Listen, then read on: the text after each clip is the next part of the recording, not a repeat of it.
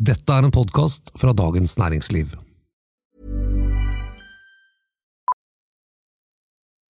Millions of people have lost weight with personalized plans from Noom, like Evan, who can't stand salads and still lost 50 pounds. Salads, generally, for most people, are the easy button, right? For me, that wasn't an option. I never really was a salad guy. That's just not who I am. But Noom worked for me. Get your personalized plan today at Noom.com. Real Noom user compensated to provide their story. In four weeks, the typical Noom user can expect to lose one to two pounds per week. Individual results may vary. Da er vel venteperioden over. Hva mener du? Etter portslippet. Det er ganske mange lag av lotteri når du setter av tid til å handle vin på slippene til Vinmonopolet. Har du fått noe, da? Fått noe, ja. Hei, kjære lytter, og hjertelig velkommen til denne ukens podkast fra Dagens Næringsliv. Mitt navn er Thomas Giertsen, og velkommen til vinstjerna Merete Bø. Oi! Som julestjerna fører oss til Betlehem, så fører du oss frem til de dyreste hyllene på Vinmonopolet. Det er vi alle glad for. Du, i dag så skal vi snakke om et av de stedene der det har vært kultivert vin veldig, veldig lenge, mm. nemlig Libanon. Mm. Hvor lenge har man laget vin der, Merete? En veit ikke helt, men det de tror er ca. 5000 år. De mener at fønikerne planta druer der, og solgte vin fra Libanon. Jeg tenker alltid med en gang vi beveger oss litt sånn utenom det mest sånn tradisjonelle som jeg er vant til å snakke om, så tenker man ja, men det er sikkert ikke noe for meg, det er ikke noe bra. Dette er bra kvalitet. Veldig bra kvalitet. Er det et sted du ville reist på vintur? Jeg har vært der, så ja. Du har det, jeg hadde reist tilbake igjen anytime. Oi, oi, oi. Eh, Jeg var der i 2019, så det var faktisk en av de siste sånn, litt sånn større vinturene jeg gjorde før korona brøt ut. Du, det må jeg få høre om etterpå. Men det er mange som bruker fransk Chateau Musar, for eksempel. For det var jo fransk koloni i mellomkrigstiden. Ja. Så bøndene dro til Frankrike og lærte seg fransk og fransk vinifikasjon. Så det er Frankrike de ser til. Ja. Jeg har drukket noen Musar-viner som synes var helt utrolig bra. Musar er jo en fantastisk vin, eh, og veldig spesiell vin. Eh, Han er litt modnere og varmere enn Bordeaux. Eh, Litt mer krydra, litt mer Midtøsten. Har litt volatilitet.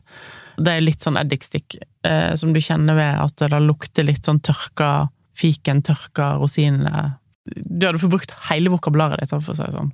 Ja. Den er ikke perfekt. Nei, han er perfekt uperfekt, på en måte. Ja. Og de har en enorm kjeller i Gazir, der, i det slottet sitt.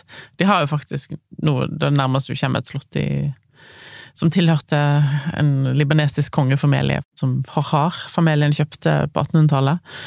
Og i kjelleren der så er det jo ufattelige mengder med gammel eh, vin. Og, og det har aldri blitt bomba eller eh, Nei, altså de sleit jo litt i 2006, da. Når de skulle hente druene i Bekardalen, det er jo et par timers kjøretur, så reiste de med hvitt flagg på bilene for at de ikke skulle bli bomba. Men det, de ble jo bom. Det høres jo litt sånn det er, det er full bombing, og så er det Hei, vi har hvitt flagg, vi kommer med druer! Ja, da er det greit! Her kommer vi med druer og croissanter! Og de Men han sa, han Tarek, da, som er, som er vinmakeren, han har jobba der i mange, mange år, han sa at han, når han skulle kjøre fra heimen sin til eh, Bekar, så var det drev de og bomba, og så sa kona nå reiser ikke du, du får ikke lov å reise. Og så gikk det en time, så ble Hvis han hadde kjørt, så hadde han blitt, mest sannsynlig blitt bomba på veien, for da hadde de tatt noen bruer og litt sånne ting. Jeg tenker at det er mye usikkerhet knyttet til vinmaking i forhold til naturen og hvordan innhøsting skal gå, og sykdommer osv., osv. Men når du legger på et sånt lag på toppen, så er det jo helt ufattelig at de klarer å, å produsere så jevnlig og så mye vin, da. Mm. I Libanon på eh, slutten av 70-tallet, 80-tallet. eh, Da han eh, Ronald eh, Hohar, som er da bror til Serge Hohar, som, som eier og driver eh, Musar Serge døde i 2014, men eh, han fortalte at eh, Serge tok jo egenhendig vinen sin under forrige krig, i båt, og fikk han over til Kypros. For det har jo òg vært et problem, og særlig etter det havnelageret ble eksplodert. Ikke minst så mista de familiemedlemmer som ble drept i den eksplosjonen, men òg så mista de jo hele lageret sitt som sto på havnen, og de fikk mista òg muligheten til å frakte ut vin. Herregud, for en tilværelse. Så det er ikke så Ikke bare bare å lage vin der. Men du, vi må få høre litt om da du var der. Det var jo litt eh, spennende, for jeg, jeg tror UD faktisk gikk ut den uka vi reiste, og sa at ingen måtte reise til Libanon, fordi at eh, Israel hadde vel noe sånn droneangrep i Beirut uka før. Eh, og et par uker etterpå så skjedde den store revolusjonen i, Beirut, eller i Libanon. Så det er jo alltid spennende å reise til sånne plasser. Du var i, i Bekadalen. Mm. Det er bare så fascinerende. Du kjører oppover, oppover, oppover, oppover fra Beirut. Ja, så det er en, en veldig høy dal. En veldig høy dal, veldig høy dal, ja. Det er en del av de som ikke har vineriene sine der, sånn at de druene skal fraktes ganske langt. Og da er det viktig å passe på temperaturen på druene når de frakter, eller? Jeg tror ikke de har noe kjøling der, altså. Jeg var der under innhøstingen, altså jeg var der i september, øh, og det var, det var ikke så mye kjøletransport. Hvor lang tid tar det fra de druene er høstet til de er i pressa? På det minste kanskje tre-fire timer, men øh, det tar Men hvis det er veldig varmt en dag da, Ja, da blir det Da skjer det ting. Har de også lokale druer? Ja, de har to hvite, øh, eller grønne druer, da, som heter Obadeie og Merver. Obadeie? badeie? Oberdeie. Oberdeie. Eh, og eh, hvis jeg skal sammenligne med noe, så minner det litt om sånn eh, grønne druer fra Rån. Litt sånn Rosanne Marsanne. Litt rike, store, Lite syre. litt, litt lite syre. For noen år siden så fant du de aldri. Det var kun Musar som var kjent for å lage en hvit Chateau Musar på disse to druene. Mens i dag så ser du at flere og flere planter de og bruker de Ja. Det er jo noen av verdens eldste druetyper. Har de klassifikasjonssystem? Nei. Ingenting. Nei. ok, i dag så handler det altså om vin fra Libanon, og Merete skal komme med anbefalinger på de beste kjøpene. Alle vinene de ligger som vanlig i episodeinfoen. Da starter vi med de røde vinene fra Libanon. Mm. Så hvilke områder er det man bør se etter hvis man skal kjøpe libanesisk vin? Veldig masse druene, nesten 90% kommer jo fra Bekar. Det er jo et ganske varmt land, men når du kommer opp på 1000 meter, så er det jo ikke så varmt lenger. Der er jeg frøs godt i Bekardalen i september. Og så er det jordsmonnet der, en gammel havbunn, så mye kalk. Eh, mye sånn avleiringer og sånn, som fungerer veldig godt sammen med å plante druer på. Egentlig litt likt som i Chablis, eller? Ja, på en måte, ikke så kvitt jordsmonn, men ja. Eh, Er det samme type kalk òg?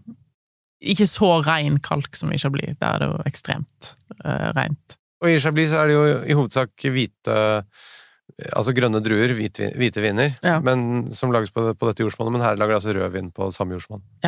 Dette skjønte jo allerede romerne. De bygde jo et eh, tempel i eh, Baalbek, helt i, nord i Bekardalen, som er det største romerske, best bevarte romerske tempelet i verden i dag. En del av det tempelet er da til ære for Bakkus, som er den romerske vinguden. Så dette er historisk grunn, og ikke noe ny sånn up and coming-vind, egentlig. Nei. Absolutt ikke. De røde vinene der, hva slags øh, druer er det, og stil, vinstil er det de legger seg på? En mellomting mellom Rån og, og Bordeaux, på en måte. Ok? Mye druer som er de samme som i Rån. Grenache, Cinsault, eh, Carignan eh, Altså Sør-Rhône, da. Ja, Sør-Rhône. Eh, og så har du Cabernet Sauvignon, Merlot. Og så har du òg litt Chardonnay og, og Sauvignon Blad, men jeg syns jo at eh, Ja, på de, de, de røde, ja, men de røde er de beste. Er, er det av at det også er litt varmere klima, og dermed så er det, egner det seg best for å lage røde viner? Ja, uten tvil. Men det som er unikt, da, med Libanon, er at det har sånn, litt sånn krydra, varmt preg, som Jeg har hatt kollegaer eh, gjennom historien i Norge som har skrevet om vin, som beskriver vin fra Libanon som et velduftende harem og kamelsvette og sånn. derfra, ja? Mhm. Nettopp. Hvis du både har hatt en tilværelse som inkluderer kamelsvette og velduftende harem, du har da betyr at du da har prøvd både et velduftende et og et, et som Og- ikke lukter godt, kanskje? Jeg var jo i Byblos, som er en av verdens eldste byer, eh, som ligger i Nord-Libanon. Det er luktene som er der, da. Ja. Du får det der eh, litt sånn afrikanske kryddernotene, på en måte. Eller Ja. Midtøsten. Som, som kanskje, kanskje kan finne igjen i vinen, da. Eikebruken her. Nei, det er jo eh, franske eikefat, lite grann. Noen har store eikefat, noen har små. Det er litt sånn hva de foretrekker. Kefreia, som er en eh, vinprodusent som ligger i Bekra, som ganske, har ganske lang historie. Kefreia begynte å eksperimentere til og med med amfora, altså leirkrukke. Er det noen som bruker veldig mye ny eika? Nei, ikke veldig mye. Men uh, Fauzi Issa, han er eier av kanskje den eldste vinprodusenten i Libanon, uh, Domaine de Torell, som uh, ligger i Bekra, og de har en del ny eik, men ikke sånn at det tenkes mye over det på når du smaker vinen, nei. Og mat til disse vinene? I Libanon selv så er det veldig mye grønnsaker. Utrolig bra grønnsaksretter. Helt fantastisk. Jeg tror nesten jeg ikke spiste kjøtt når jeg var der, nesten. Drikker du rødvin til det, da? Ja, jeg gjorde det. Og det var godt? Mm. Men, Men- liksom, med en gang du får modne tanniner i disse rødvinene, så, så fungerer det jo til mye. Fordi maten er vel litt mer krydret enn uh, Ja. i fransk kjøkken, for eksempel. Ja. Og da er jo det helt avgjørende, vi har snakket om det før, at uh, det å ha uh, enten lite tannin eller modne, avrundede tanniner, for at ikke det skal krasje med da dette krydderet som også er bitterstoffer. Mm. For bittert og bittert, det er ikke bra. Nei. Men dette er altså så avrundt at det funker. Mm. Selv i unge viner, eller må du ha litt modne? Jeg må ha litt modne, men det er sånn som Faust Issa han lager blant annet Han er- lager mer og mer av uh, druen sin så, og reine sin så. De er ofte blir veldig sånn elegante og liksom sursøt, delikat frukt og ja. Så de òg fungerer veldig godt. Men, eh, og glass.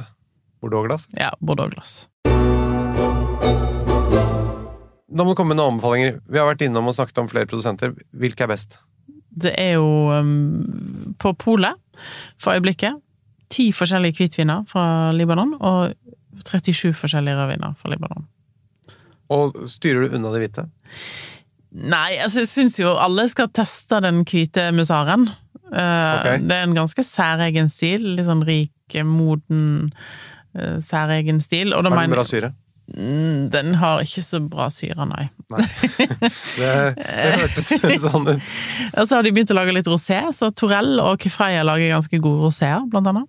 eh, som jeg vil anbefale. Hva skal du drikke den hvite musaren til, da? Den er mer sånn ost, eh, sopp eh, Ja, tart flambé med sopp og bacon på. Altså litt sånn kraftige retter, da. Ok. Så syns jeg at eh, alle må unne seg en musar. En rød, ja? Ja. Ja, men det er jeg enig i. Den fins i basissortimentet til polet. Kjøp deg en musar på et eller annet tidspunkt. Og det som er gøy, er at de har også veldig modne musarer, og de koster nesten ikke noe mer. Kanskje 100 kroner mer enn en ung årgang. Mm. Så du betaler nesten ikke noe for den lagringen. Nå har de jo 98, tror jeg, og 2000 tilgjengelig på polet. For en hundrings opp fra det 15 eller 16-årgangen, Mm. eller hva det er for noe, Mm. koster. Men er det store årgangsvariasjoner på disse vinene? Nei. Eh, Det er noen årganger som har vært dårligere, og noen som har vært bedre, men det er ikke enorm, Det er ikke sånn som vi kjenner igjen i Bordeaux, for eksempel. Hvis du får tak i en gammel, så er det bare å gå for den. Ja. Men det har vært De holder utrolig bra. Ja. Hvor lenge må de ligge, syns du? Jeg syns de bør ligge i sånn 15-20 år. eh, Ok, så en 2098 og en 98 og sånn nå, det er helt topp, det. Ja. Men, men Og det er jo utrolig digg. Mm. Hvor mye hadde de vinene kostet hvis du skulle kjøpt dem hvis de var fra Bordeaux? Ja, jeg vet ikke, det er vanskelig å si. Jo, men samme kvalitet. Samme score. Når de er blitt 20 år gamle, hadde det garantert kostet rundt 2000, tipper jeg. Ja. Og nå koster de mellom 400 og 600. Ja, noe sånt. Har du noen andre produsenter som er på samme nivå? Jeg har på en måte fire produsenter jeg føler jeg kan stå inne for, og så er det jo en del andre, men eh, Musar er en litt sånn særegen stil. Torell, eh, Fauzi Issa sitt Torell, er jo veldig sånn up and coming, lager mye kul vin. Eh, mye rimeligere enn Musar. Her får du ned i sånn 150 kroner, og til og med fått kommet med bag-in-box. Oi. Eh, rød bag-in-box, så det er litt kult, altså, for det er jo en god bag-in-box. Kjøper du ofte bag-in-box? Nei. Jeg kjøper aldri bag-in-box.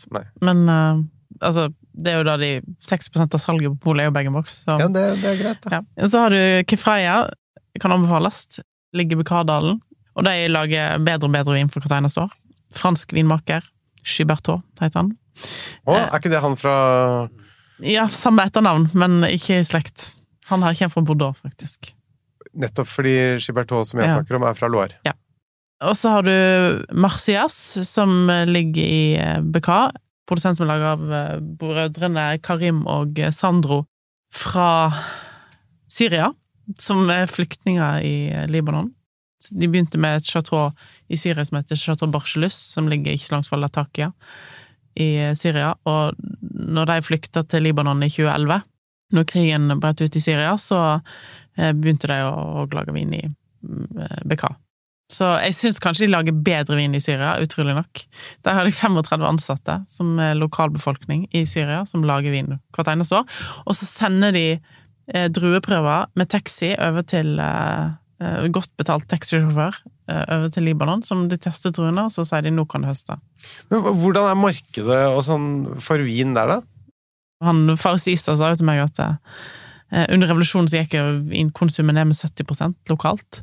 Men altså, vi er jo vant til at det går ned, fordi at eh, når eh, det er ramadan, så går salget ned med 50% Så oh, ja. vil jeg si at det, Akkurat da drikker vi Akkurat da drikker så mye. Vi har vært innom så vidt de hvite vinene, men eh, hvis vi skal ta sånn kort oppsummering av vinstilen. Ganske stor og rik og kraftig, eh, men jeg hadde én opplevelse som jeg bare må fortelle om. Det er en druetype som heter Vionier, eh, som kommer fra Rån. Den er ikke jeg noe glad i i det hele tatt. Jeg syns den er Han mangler friskhet, han mangler syre, han Altfor høy alkohol, for tropisk. Altså, det er ingenting med Vionier jeg personlig liker. Jeg kan si at en Condrieu har fått 390 poeng, for det er fantastisk laget Condrieu, men det er ikke, er- for meg er ikke en god vin. Så kommer jeg da opp etter en eh, lang og fuktig lunsj i Byblos. Jeg kjører opp med sjåfør, vel å merke, opp på eh, Mount Batron, som er da nord for Beirut. Et stykke nord for, Beirut, nord for Byblos òg. For å besøke en produsent som har starta der. Arva marka faren, men det har aldri vært dyrka druer der før. Eh, Marheb Harb. Og så kom jeg opp der, var litt sånn slitne, det var ganske varmt, og så setter jeg meg ned med bordet hans, og så ga han meg Vionier, og uten at jeg visste at det var Vionier, og tenkte at dette her må være den beste hvitvinen i hele Libanon. Uten tvil, kan, altså det var helt sinnssyk vin. Og han snakka i en og en halv time, men han har ikke tatt noen lette snarveier, for å si det sånn. Jeg satt der og grein, for det han fortalte var så rørende. Og jeg pleier ikke å grine på jobb, bare sånn til det jeg har sagt. Du pleier å gråte her om vi pleier å klippe det bort. Ja, ja. Eh, Jeg har bare smakt den der, for den fins ikke i Norge, men produsenten finnes i Norge, da. Sept. Eh, Og hans eh, rene syra er den nærmeste jeg har kommet rån nesten noen plass i verden. Hva er det jeg skulle si, for det, det mener jeg du har skrevet om Mm. tidligere. Og det var du veldig fan av, var du ikke? Ja, ekstremt konsentrert og ekstremt mineralsk, og så rå i karakteren og frukten, da. Eh, Men han lages lite. Han lager bare sånn 7000-8000 flasker i året. Og Eh, hvor mye av det kommer til Norge? Nei, det er kanskje noen hundre flasker. Og her er jo prisene oppe i rundt 1000 kroner for de beste. Det er såpass, ja. Ja, Men de hvite koster vel sånn 400-500 eh, når de kommer på polet. Og får du muligheten, test Sept òg. Mm. Men, og, og, de, og de Syrana, er de tilgjengelige på polet, eller? Ja. Er den det? Det er 950 kroner koster den. Så har de Cuvée de Soleil, eh, som koster 400. Men 900 kroner, det er, ganske, det er ganske dyrt for en vin. Da må du være helt sikker på kvaliteten. Ja, men det var veldig godt, altså. Eh, Cabernet Sauvignon Tempranillo. Eh, og så har de Obadeie, men den er utsolgt. Cabernet er utsolgt. Men de har to viner innom. Du har jo allerede vært innom viner til under 200 kroner, så det trenger jeg ikke å be deg om engang. Sant? Du har til og med også promotert bag-in-box. Ja, det er ikke ofte. Men Libanon kan vi gjøre det, syns jeg. Det var alt vi hadde for i dag. Tusen takk for i dag, kjære lytter. Hvis du har spørsmål, så send oss dem til vin.dn.no. Denne podkasten er produsert av Feelgood for Dagens Næringsliv. Vi høres igjen om en uke. Takk for i dag, Merete. Takk for det. Først er lotteri for å få plass i køen. Ja. Så er det lotteri for å se om de varene som du har lagt i kurven, er der når du kommer til kassen. Og så er det lotteri for å se om du får de varene som du har betalt for i kassen.